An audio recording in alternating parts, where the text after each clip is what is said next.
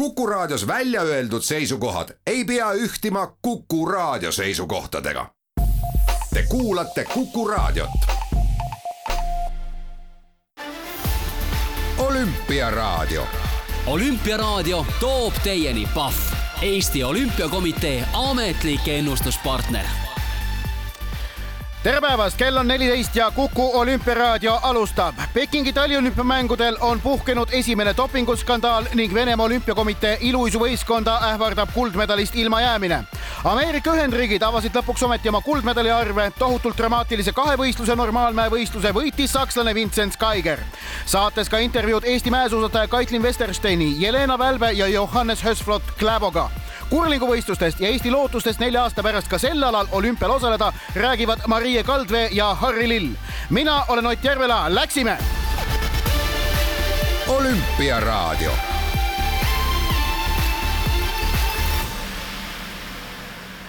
alustame kõige põletavama teemaga, milleks on Pekingi taliolümpia võimalik esimene dopingujuhtum. teisipäeva õhtul pidi Pekingis toimuma iluuisutamise võistkonnavõistluse auhinnatseremoonia, aga see lükati viimasel hetkel edasi. tuletame meelde, et reedel, pühapäeval ja esmaspäeval toimunud pika võistluse tulemusel pälvis kuldmedali Venemaa Olümpiakomitee, hõbeda Ameerika Ühendriigid ja pronksi Jaapan. autasustamist aga ei toimunud ja täna hommikul andis Rahvusvahelise Olümpiakomitee esindaja Mark Adams põhjuste kohta järgmise selgituse Uh, the situation arose today at short notice, which requires legal consultation with the ISU. You'll appreciate because there's legal implications involved in this, I can't really talk very much more about it at this stage. Hopefully, we'll be able to give you an update uh, during the day, or we will give you an update during the day, and it will become clearer. But it's, it's a kind of an emerging issue, so I can't actually add very much. Olukord tekkis täna lühikese etteteatamisega ning nõuab õiguslikku nõupidamist Rahvusvahelise Uisuliiduga. kuna tegemist on juriidilise küsimusega, ei saa ma enamat öelda. loodetavasti saame päeva jooksul anda täpsemat infot, aga hetkel on see arenev teema ja ma ei saa midagi enamat öelda, ütles siis Rahvusvahelise Olümpiakomitee esindaja Mark Adams täna hommikul. värskemaid teateid Pekingist hetkel laekunud pole. rahvusvaheline meedia spe spekuleerib, et tegu on Venemaa Olümpiakomitee võistkonna liikme positiivse dopinguprooviga, mis on selle autasutamise edasi lükanud. kui olümpiaraadio saate jooksul laekub täpsem info, siis selle kindlasti ka Kuku otse-eetris edastame. aga räägime nüüd ka võistlustest ning täna pidanuks olema päev, kus Kristjan Ilves teeb oma esimese stardi Pekingi taliolümpial, aga sarnaselt norralasele Jarl Magnus Riiberile ja sakslasele Erik Frenzelile viibib ta karantiinihotellis võistlus ikkagi toimus ja osutus tohutult põnevaks. normaalme hüppevõistluse järel juhtis jaapanlane Ryota Yamamoto, kes edestas jälitajaid küll kolmekümne kaheksa sekundiga, aga püüti juba suusaraja teisel kilomeetril kinni. pikalt sõitis ees kolmik Lukas Kreiderer, Johannes Ritschek ja Julian Schmid. esimesena kukkus sealt ära Schmid ja paistis, et Ritschek ja Kreiderer jagavad kaks kõrgemat kohta aga viimasele kilomeetrile veel liidrina tulnud kahekordne olümpiavõitja Ritšek ikkagi lõpuks kangestus ning tagant tõusis olümpiavõiduni hoopis tema koondise kaaslane, teine sakslane Vincent Geiger, kes oli murdmaarajale läinud alles üheteistkümnendalt kohalt. hõbeda võitis Norrale Jörgen Krabak, kes koos Geigeriga sealt äh, mööda tuiskas ning austerlane Kreiderer pidas siis vastu ja võitis pronksmedali. Need kahevõistlejate esimesed medalid on jaotatud. Äh, medalivõistlus toimus täna ka mäesuusanõlval kõrval, kus siis naiste slaalomis Mikaela Schifrin, ameeriklannast suur favoriit, katkestas nendel olümpiamängudel juba teist korda, sellepärast et kui ta suurslaalomi äh, sõitis rajalt välja, siis juhtus tal täpselt sama asi nüüd ka slaalomis. Äh, olümpiavõitjaks tuli Slovakkia esindaja Petra Vlhova, hõbeda võitis austerlanna Katariina Linsberger ning pronksi tõi Šveitsile Vendi Holdener. Äh, Eesti mäesuusataja Kaitlin Westerstein, kes sai suurslaalomis kolmekümne viienda koha kahjuks slaalomis finišisse ei jõudnud, vaid sõitis rajalt välja sportlane, kellest Eestis me tegelikult väga palju ei tea, jäi aga Timo Tarve mikrofoni ette ning nüüd saame temaga põhjalikumalt tuttavaks Keitlin, hea meel on sinuga lõpuks kohtuda ja ka Eesti olümpiasportlast meie inimestele tutvustada. esmalt tänasest võistlusest oli väga kahju, et ei näinud sind finišis. mis juhtus rajal? Yeah, uh, I felt like I was skiing pretty solid, and then I came over onto the pitch and um, leaned in, or something happened, kind of, and I ended up crashing, so I wasn't able to make it down to the last section down here. jah, alustasin tegelikult sõitu hästi, aga siis ühel hetkel laskudes järgmisesse väravasse kaldusin liiga palju ning lõpetasin kukkumisega. ei jõudnud paraku finiši sektsioonigi kas on võimalik, et läksid liiga agressiivselt sõitma slaalomit, seda sa ju lubasid pärast õnnestunud suurslaalomit. Yeah, I don't think I took it like too aggressive. I was definitely going for it, but nothing that was uh, like out of control or anything. Um, I just didn't get off the ski quick enough and ended up just leaning in ma ei ole kindel, et seda väga agressiivselt sõitsin, ma läksin kindlasti üritama, aga mitte sellises stiilis, et kaotaksin kontrolli sõidu üle. ei vahetanud õigel hetkel suusakanti ja kaldusin lihtsalt sisse nüüd, kus olümpiavõistlused on peetud, nägid oma taset maailma tippudega võrreldes. kas oled rahul sellega, mida kogesid? Yeah, I am definitely happy. I haven't had the exposure to racing against some of these athletes and coming here as a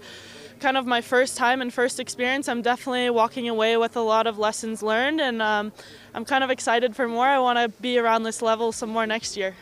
Did I feel confident? Yeah, I actually did feel pretty confident going out of the start today. I had a good warm up run. Um, my skis felt pretty solid. Tim was helping me with that. Uh, the snow is definitely really aggressive and something that I never really experienced before. So, being able to have that confidence out of the start and being wanting to really push was really awesome for me ja olen vägagi rahul. mul pole olnud võimalust kõigi siinsete sportlaste vastu võistelda. see oli minu esimene kogemus ja võimalus ning lähen siit minema paljude kasulike õppetundidega olen väga elevil jätkamaks sel tasemel juba järgmisel aastal. kas ma tundsin end enesekindlalt? Jaa, ma tundsin end väga enesekindlalt, tegin korraliku soojenduslaskumise, minu suusad tundusid päris head, tiim aitas mind nendega. siinne lumi on kahtlemata agressiivne ja midagi taolist pole ma varem kogenud. ja starti minnes oli kindlus olemas ja tahe hakata kõvasti suruma mida olümpiakogemus andis sulle tulevikuks juurde, selleks et olla parem järgmistel olümpiamängudel ja muudel tiitlivõistlustel? I think definitely a big thing for me will just be training on more conditions like this um, and getting used to kind of the surface that's around at this level. Um, and then again, kind of for me, I wasn't so nervous, but um, knowing now where I am, I think I can definitely work up from here and um, cut a few seconds off before the next ones. esimese asjana kindlasti see, et sain treenida nendes väga heades oludes, mis siin valitsevad ja harjuda sellise pinnasega, nagu sel tasemel tehakse. Ja korra veel, ma polnud üldse närvis ning saades nüüd teada tasemest, kus asetsen, sain ka teadmised, kuidas siit ülespoole tõusta ja saada paar sekundit siin parimatele lähemale. usun, et su plaan oli ikkagi täna slaalomis üle sõita suurslaalomi kolmekümne viies koht Yeah, definitely slalom's my stronger event, so I was hoping to be uh, ahead of 35th today, but sometimes it doesn't work out. jah, slaalom on mu tugevaim ala. kindlasti oli plaan see kolmekümne viies koht üle sõita, aga vahel see lihtsalt ei õnnestu. kas sa kirjeldaksid palun oma kogemust olümpiamängudel olla üldisemalt? olid siin ka suures mullis, milline kogemus see sulle oli uh,? It was actually a really great experience, it really impressed me um, it's been everyone's been super welcoming. The food has been actually really good. Um, the facilities are really nice, and training venue, everything that they've done and provided for us has been superb. So um, I'm overall really satisfied and wasn't expecting it to actually be as nice as it is. see oli tegelikult väga vahva kogemus, avaldas väga muljet. kõik on siin olnud väga külalislahked, söök on olnud päris hea rajatised on olnud väga kenad, treeningrajatised, kõik, mis nad on meil ette valmistanud, on olnud kõrgeimal tasemel. olen üleüldiselt kõigega väga rahul ega lootnudki, et see nii heal tasemel on. Keitlin, kas külastad lähitulevikus taas kord oma vanaisa kodumaad ehk Eestit? Yeah, I would definitely like to come over again in the summer. We'll see. I'm going to be taking some classes over this summer, so I'm not sure if it'll work out, but hopefully if I have a, a little break, I can make it back over to Estonia jah, kindlasti tahaksin tulla taas näiteks suvel, ehkki mul on suvel ka mõned ülikooli õpingud ja ma ei tea täpselt, kas mängib välja. loodetavasti, kui tuleb väike paus, saan Eestit külastada. mitut sõna sa eesti keeles tead? Oh, not many at all. Know okay. like hello and thank you. Can you say it? tere and acta jah räägime nüüd sinu taustast. sa oled pärit Minnesotast, sinu vanemad on olnud seotud suusatamisega kogu elu, nagu ka sinu isapoolne vanaisa, kes oli enne sõda mitmekordne Eesti mäesuusameister ja tuli USA-sse pärast teist maailmasõda. Yep, that's correct. kas sa mäletad vanaisa ja tema lugusid Eestist? Yeah, so when I visited Otepää there uh, a few years ago, I saw all the pictures of him skiing with his brother, and um, I know that he was really involved with the winter sports there, and um, kind of got it going, I guess, in a way. And um, he brought that over to the U.S. with him, and um, I definitely didn't realize how much. Uh, of a legend he was over there until I actually visited, so that was super cool. jah, kui ma külastasin paar aastat tagasi Otepääd, nägin seal pilte oma vanaisast ja tema vennast suusatamas. ma tean, et ta oli väga sügavalt talispordiga seotud, aga ta pidi igal juhul Eestist lahkuma ja tõi oma suusaarmastuse Ameerika Ühendriikidesse endaga kaasa. ega ma päris täpselt ei teadnudki, kui oluline tegija ta Eestis oli, enne kui Otepääl käisin ja see oli väga lahe kogemus seda teada saada sa oled vist olnud suuskadel varajasest lapsepõlvest peale? Yeah, just barely walking, they put me on skis. jah, vaevalt õppisin kõndima, kui mind suuskadele pandi. ja millal sa aru said, et võid jõuda kõrgemale tasemele, olümpiamängudele um,? I would say probably when I was like 15, 16, when I started to race at an international level and um, go over to Europe for a few races, I thought that um, it was definitely a dream to come here and compete, and I thought I would work super hard to get here one day. Ilmselt siis, kui olin viieteist, kuueteist aastane, kui asusin võistlema rahvusvahelisel tasemel, sain tulla võistlema Euroopasse. kahtlemata oli see unistus siis jõuda ja võistelda sel tasemel. ja millal mõistsid, et parim võimalus on olümpiamängudele saada läbi Eesti koondise? Um, it was kind of when just after the U.S. team, it was I wanted to go to school and be able to ski, and they weren't super um, supportive of that at the time. So Estonia was, and I was like, I have a great opportunity to get some really good training through a college program and also represent Estonia. So that's when I realized that I could come for Estonia here. see oli ilmselt siis, kui olin juba Utah ski tiimi liige. tahtsin minna sinna kooli, et saada paremaks suusatajaks ülikool ja Eesti Suusaliit olid väga toetavad selles otsuses. seega sain ülikoolis väga head treeningvõimalused ja võistlustel võimaluse esindada Eestit. sain aru, et saangi sellisel moel olümpiale tulla. siin sa siis nüüd oledki yeah.? So right now your residence is uh, Salt Lake City, I believe, jah yeah? yeah.? mida sa seal täpselt teed ja õpid? Yeah, I'm just going to school there, and um, I'm a senior, so I graduate this year, uh, and I'm just training and uh, yeah, living jah, ma olen praegu viimase kursuse üliõpilane, lõpetan sel aastal ning treenin muudkui ja elan niisama me nägime täna ka tegelikult rajal raskeid tingimusi. Mikaela Schifrin ei suutnud taas kord laskumist lõpetada. kas sa oled saanud võimaluse temaga rääkida, mis nüüd siis temaga juhtus? Yeah, I don't know. Um, for her, it almost seems like something is off with her skis or something uh, is weird because for her to go out, especially two times in a row, is kind of never heard of. So I don't know if she has a lot of pressure or something is going on there, but I definitely feel bad for her. ma täpselt ei teagi, tundub, et midagi on tal lahti kas suuskadega või igal juhul on väga imelik. Schifrini puhul katkestada ja veel kaks korda järjest, seda pole kunagi näinudki ma ei tea, kas on tal liiga palju pingeid peal või mis seal täpselt toimub, aga tunnen talle väga kaasa millal saab sind jälle näha tiitlivõistlustel või maailmakarika etappidel võistlemas Eesti värvides? I am hoping to do some World Cups next year, definitely in slalom. Uh, after getting getting here and competing with these people, it's kind of inspired me to compete at this level more and hopefully do World Champs next year as well and maybe the next Olympics. ma loodan kindlasti järgmisel hooajal teha kaasa mõned slaalomi maailmakarika etapid eriti pärast seda, kui olen nüüd siia olümpiamängudele jõudnud ja saanud võistelda nende inimestega. see on mind inspireerinud sel tasemel rohkem kaasa lööma. kindlasti soovin osaleda järgmise aasta maailmameistrivõistlustel ja ehk ka järgmistel olümpiamängudel. ja mis on sinu peamine eesmärk?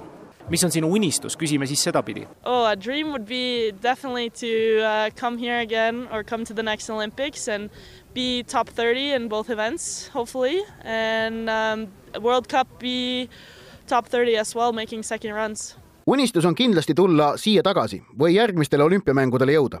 jõuda esikolmekümnesse kindlasti, maailmakarikal jõuda samuti kolmekümne hulka ja teise sõitu. Just top thirty Not.... Well, I mean ideally it would be like top ten yeah., but maybe progress there. It's gonna be a little while. no hea küll, tegelikult oleks unistus ka esikümme, aga seda siis pikema aja jooksul oli väga tore sind, Keitlin, kohata ja tundma õppida ja Eesti vaatajatele tutvustada. aitäh intervjuu ja heade emotsioonide eest! Thank you, nice to meet you too! olümpiaraadio. olümpiaraadio toob teieni Pahv, Eesti Olümpiakomitee ametlik ennustuspartner olümpiaraadio jätkab ning naaseme oma juttudega eilsesse päeva, sellepärast et eile eh, selgus esimene kuldmedali võitja kurlingus Pekingi taliolümpiamängudel, kui segapaaris mängu finaalis oli Itaalia pingelises viimase kivini kestnud finaalis üle Norrast ja võitis selle matši kaheksa-viis ning tuli olümpiavõitjaks. suur rõõm on tervitada Olümpiaraadio stuudios seda finaalmatši kommenteerinud Eesti esipaari äh, Marie Kaldvee, Harri Lill, tere! tere, tere, tere.! no ma küsin esimese asjana seda, mis tunne oli telekommentaatori tööd teha, et, et see on teile ju ikkagi mitte tavapärane töö? Ja mul oli see tegelikult teist korda, Harril ilmselt mitmendat äh, juba. ja väga põnev oli laivis jälgida niimoodi mängu ja siis samal ajal ka nagu proovida rääkida kaasa. on see on see uhkus, mida sa tunned, kui sa saad seda asja teha, sest sa oled ise ka selle spordi all ikkagi täiesti tipus ju maailmas ja, ja või, või, mis, kuidas seda tunnet kirjeldaksid? ei, ma arvan, et see on ikka uhkus pigem, kui sa saad olümpiamänge kommenteerida, et kui ise kohale ei saanud minna, et mängida, siis vähemalt eh, saab natukenegi kaasa elada no ja Harri, te tegelikult oleksite tahtnud ise mitte kommenteerida, vaid seal kohapeal Pekingis praegu mängida, et, et äh, millise, kas, kas oli vaja mingi sisemine selline noh, nukrus ka alla suruda, kui seal oma rivaalide matše kommenteerisid ja jälgisid ka kindlasti eelmistel päevadel? eks äh, jah, au oli kommenteerida, aga meil see olümpiakvalifikatsioon oli juba detsembri alguses, et äh, ütleme nii, see nukrus on äh, jõudnud vast mööda minna ja me oleme jõudnud päris palju juba tuleviku peale mõelda, et äh, pigem tänaseks hetkeks see negatiivne emotsioon on mööda läinud, et äh, sai nagu pingevabalt vaadata seda ja mõelda rohkem seda, et äh, mida vastased teevad ja eks me päevast päeva vaatame ikkagi tundide kaupa neid samu olümpiamänge, et äh, iga päev on niisugune kakskümmend tundi materjali meile, mida vaadata, et päris palju. olete kõik matšid läbi vaadanud põhimõtteliselt? Ei, veel kõik ei ole ikka jõudnud, et päriselt käime tööl, teeme trenni ka, et äh, ainult äh, mänge ei vaata, aga päris palju oleme vaadanud, jaganud üksteisele infot, mida vaadata, mida teised huvitavalt teevad, seega ikka üritame õppida jah kõigest. mida neist äh, praegu olümpiamängude tippmatšidest on võimalik siis õppida ja kõrva taha panna?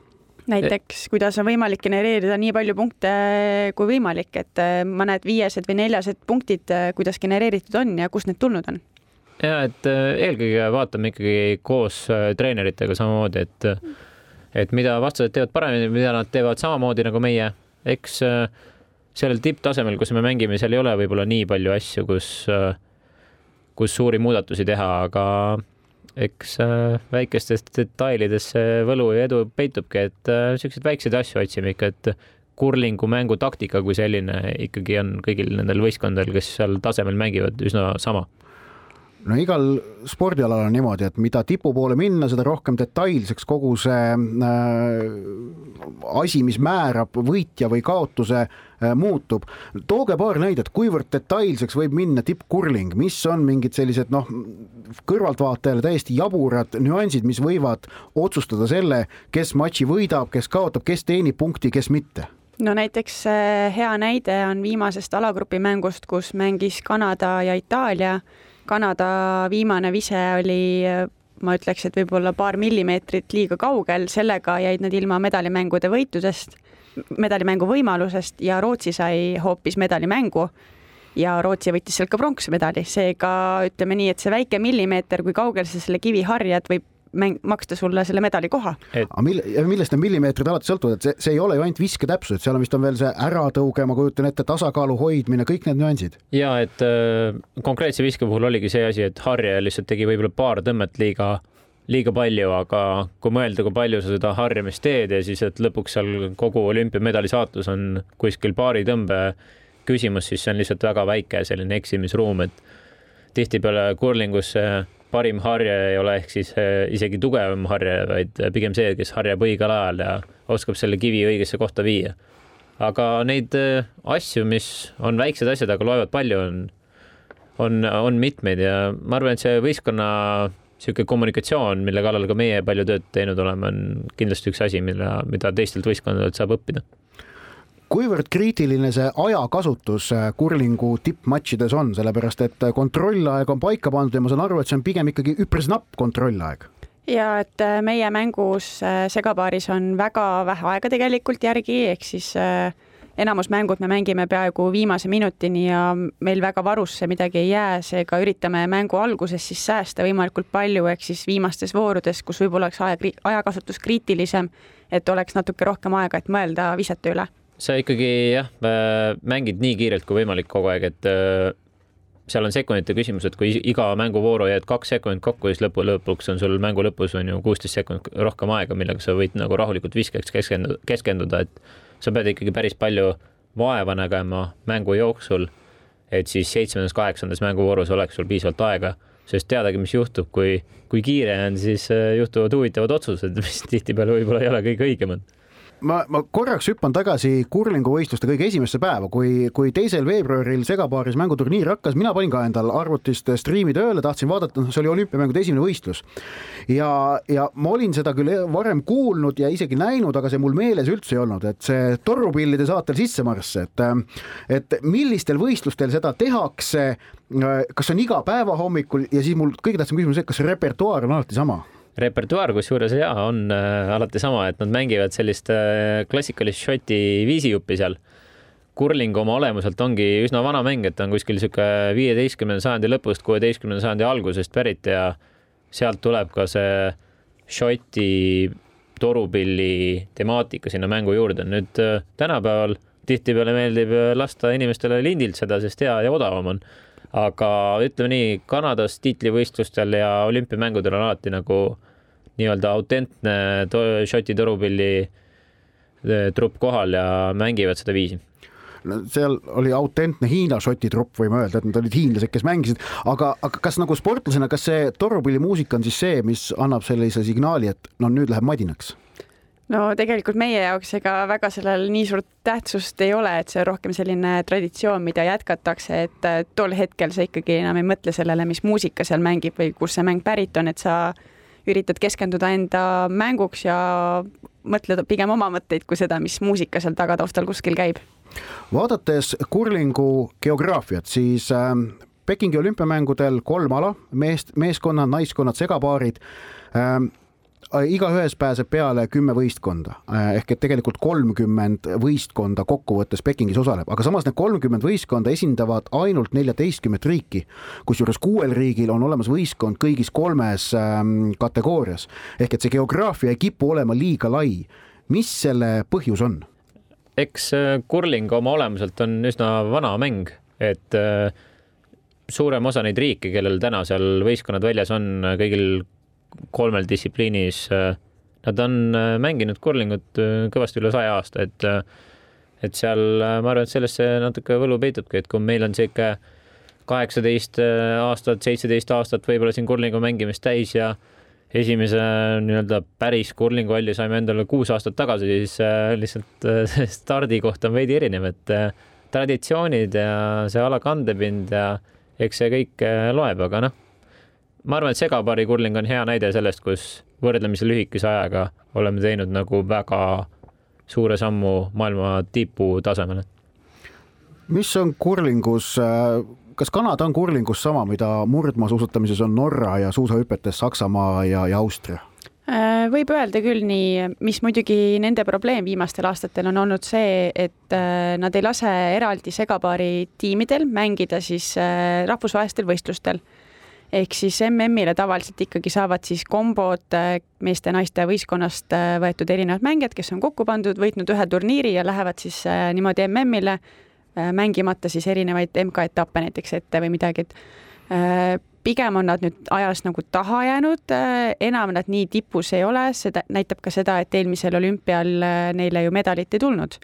ehk siis tegelikult nad ilmselt peavad vaatama natuke üle oma protseduure ja siis äh, tegema korrektuurid. aga ma mõtlen selles mõttes, et, et, et noh, Kanada kurling on midagi sellist, mis on, äh, kus nagu kurling on noh, kohati võib olla, ma ei tea, suurem kui elus on natuke klišee, aga no midagi sellist väljendit kasutada, et see on see riik, kus nagu kurling on kõige-kõigem jah, eks nad kõik sünnivad seal sellistes kohtades, kus ei ole muud teha, kui hokit mängida või kurlingut mängida, et neil jalgpalli ilmselt nii palju ei mängita, kui kurlingumängijaid on olemas ja traditsioonid äh, jätkuvad, et kõik perekonnaliikmed mängivad kurlingut, siis eks sa mängid ka kurlingut ennustusküsimus ka siia intervjuu lõppu, et kes äh, tulevad äh, ülejäänud kaheks olümpiavõitjaks meeskondade naiskondade seas?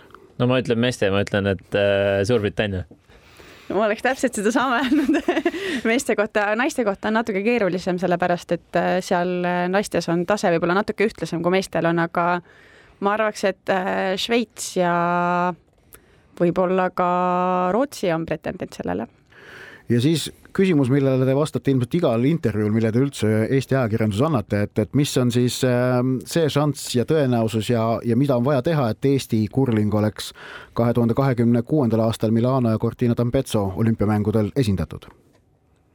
trenni on vaja teha, võib öelda, aga tegelikult äh, ma arvan, et äh, väga hea kandev paus oli kui rääkida konkreetselt meie võistkonnast või segapaaris kurlingust, siis äh, ma arvan, et oluline jätkata seda tööd, mis niisugune viimane poolteist aastat, aasta on tehtud, et äh, me ehk selles tsüklis võib-olla leidsime enda selle raja või need asjad, mida parandada natuke hilises faasis.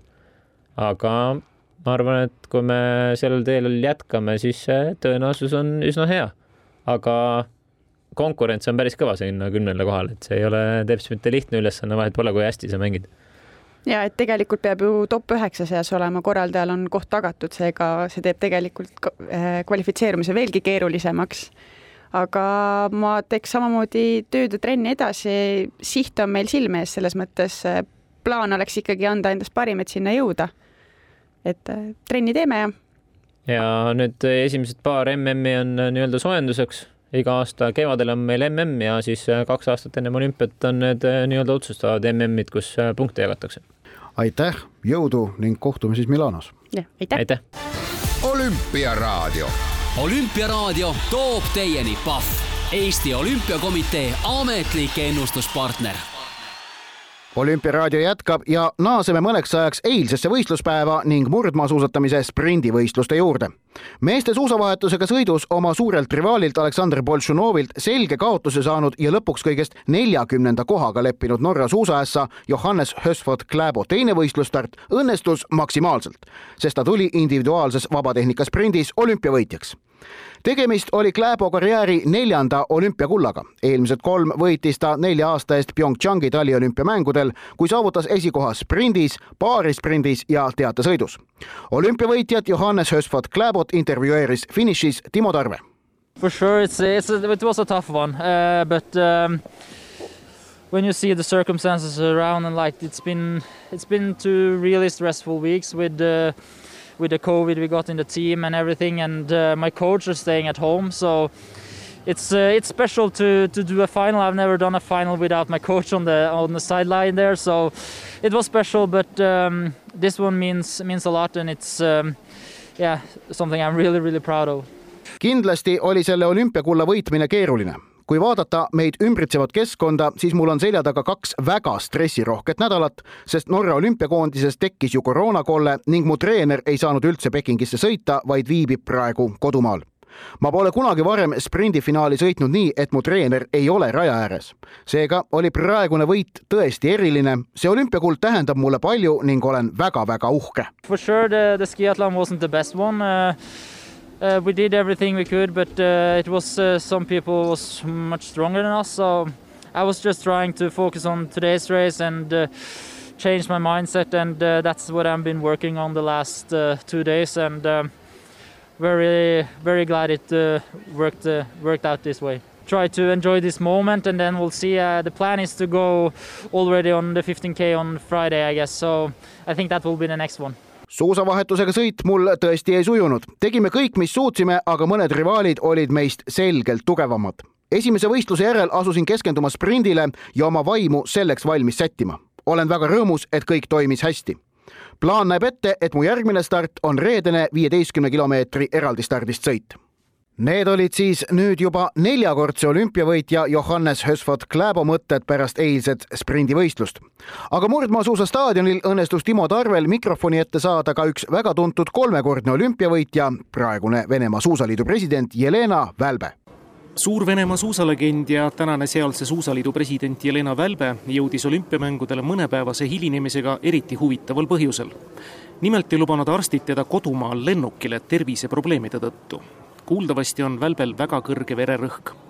mistap oligi esmalt rõõm teda lõpuks ometi olümpiamängudel tervitada ja küsida, millised on mängudel saadud esimesed emotsioonid. Ну, не знаю, у нас достаточно хорошие здесь дни. Сегодня у меня все равно положительные эмоции. ma ei teagi, vastas Välbe. meil on siin olnud nii head päevad ja täna on veel eriti kõrgendatud meeleolu. nimelt Aleksandr Terentjev võitis siis sprindis pronksmedali. ma olen väga õnnelik Saša Boltšunovi üle. samas on kahetised emotsioonid. sprindifinaali ei saanud ei Ustjugov, Stupak ega Neprjajeva. aga tervikuna pole olümpiamängude algus meile olnud halb.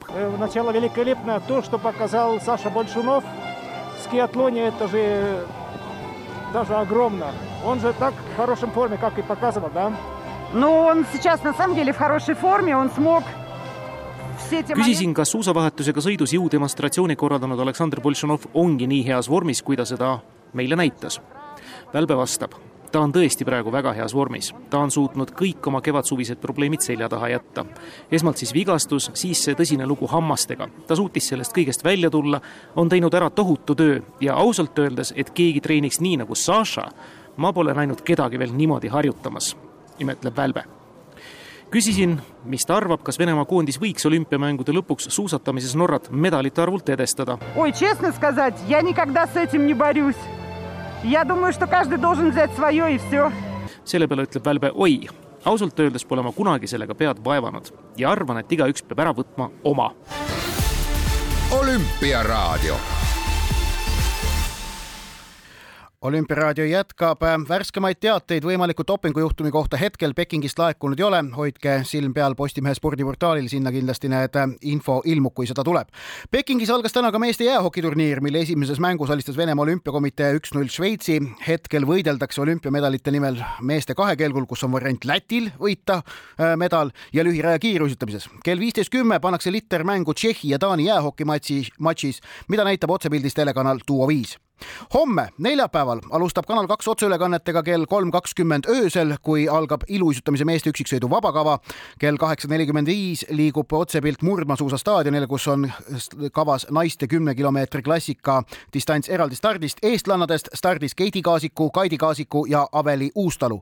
kell kümme kolmkümmend alustab Kanal kaks homme otseülekandega Sloome-Slovakkia hokimatšist. Tuuo viies homme otseülekandes nii meeste alpi kahevõistlus kui ka jäähoki ning medalitabelit äh, Pekingis juhivad äh, hetkel võrdselt nelja kullaga Norra, Saksamaa ja Rootsi medaliriike hetkel Pekingi olümpial kakskümmend kolm, neist kullariike kaheksateist olümpiaraadio hakkab lõpetama. Ameerika Ühendriikide esimese kuldmedali Pekingi taliolümpial võitis täna hommikul naiste lumelaua krossis kolmekümne kuue aastane Lindsay Jacobellis. tegemist on tema karjääri teise olümpiamedaliga, esimese hõbedase pälvis ta kahe tuhande kuuendal aastal Torinos, kui juhtis finaali pikalt ja selgelt, aga vahetult enne finišit tühja koha pealt kukkus ja kullast ilma jäi tolle tohutu sügeluse õiendas Jacobellis nüüd ära kuusteist aastat hiljem. nagu mitmed teised lumelauasõitjad, on ka Lindsay Jacobellis lisaks tippspordile tegev muudes valdkondades ning kodumaal ikkagi täitsa kuulus inimene ning sarnaselt teistele kuulsatele inimestele oli ka Jacobellis üks neist, kes koroonakriisi haripunktis proovis ülekoormatud meditsiinitöötajaid moel või teisel turgutada või neile oma tuge näidata. lumelauasõitja Jacobellis tegi seda nii, et võttis kodus kätte ukuleele tegi videokõne haiglasse ja mängis neile Ingrid Michelsoni laulu The way I am, mida saate lõpetuseks kuulamegi.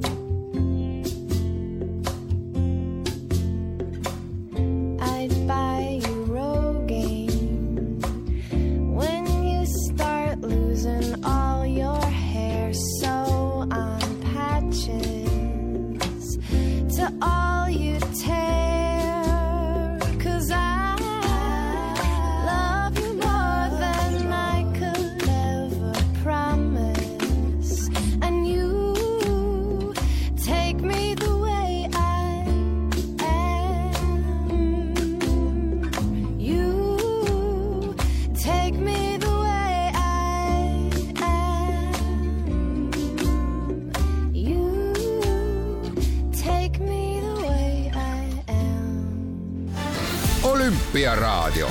Olümpiaraadio toob teieni Pahv, Eesti Olümpiakomitee ametlik ennustuspartner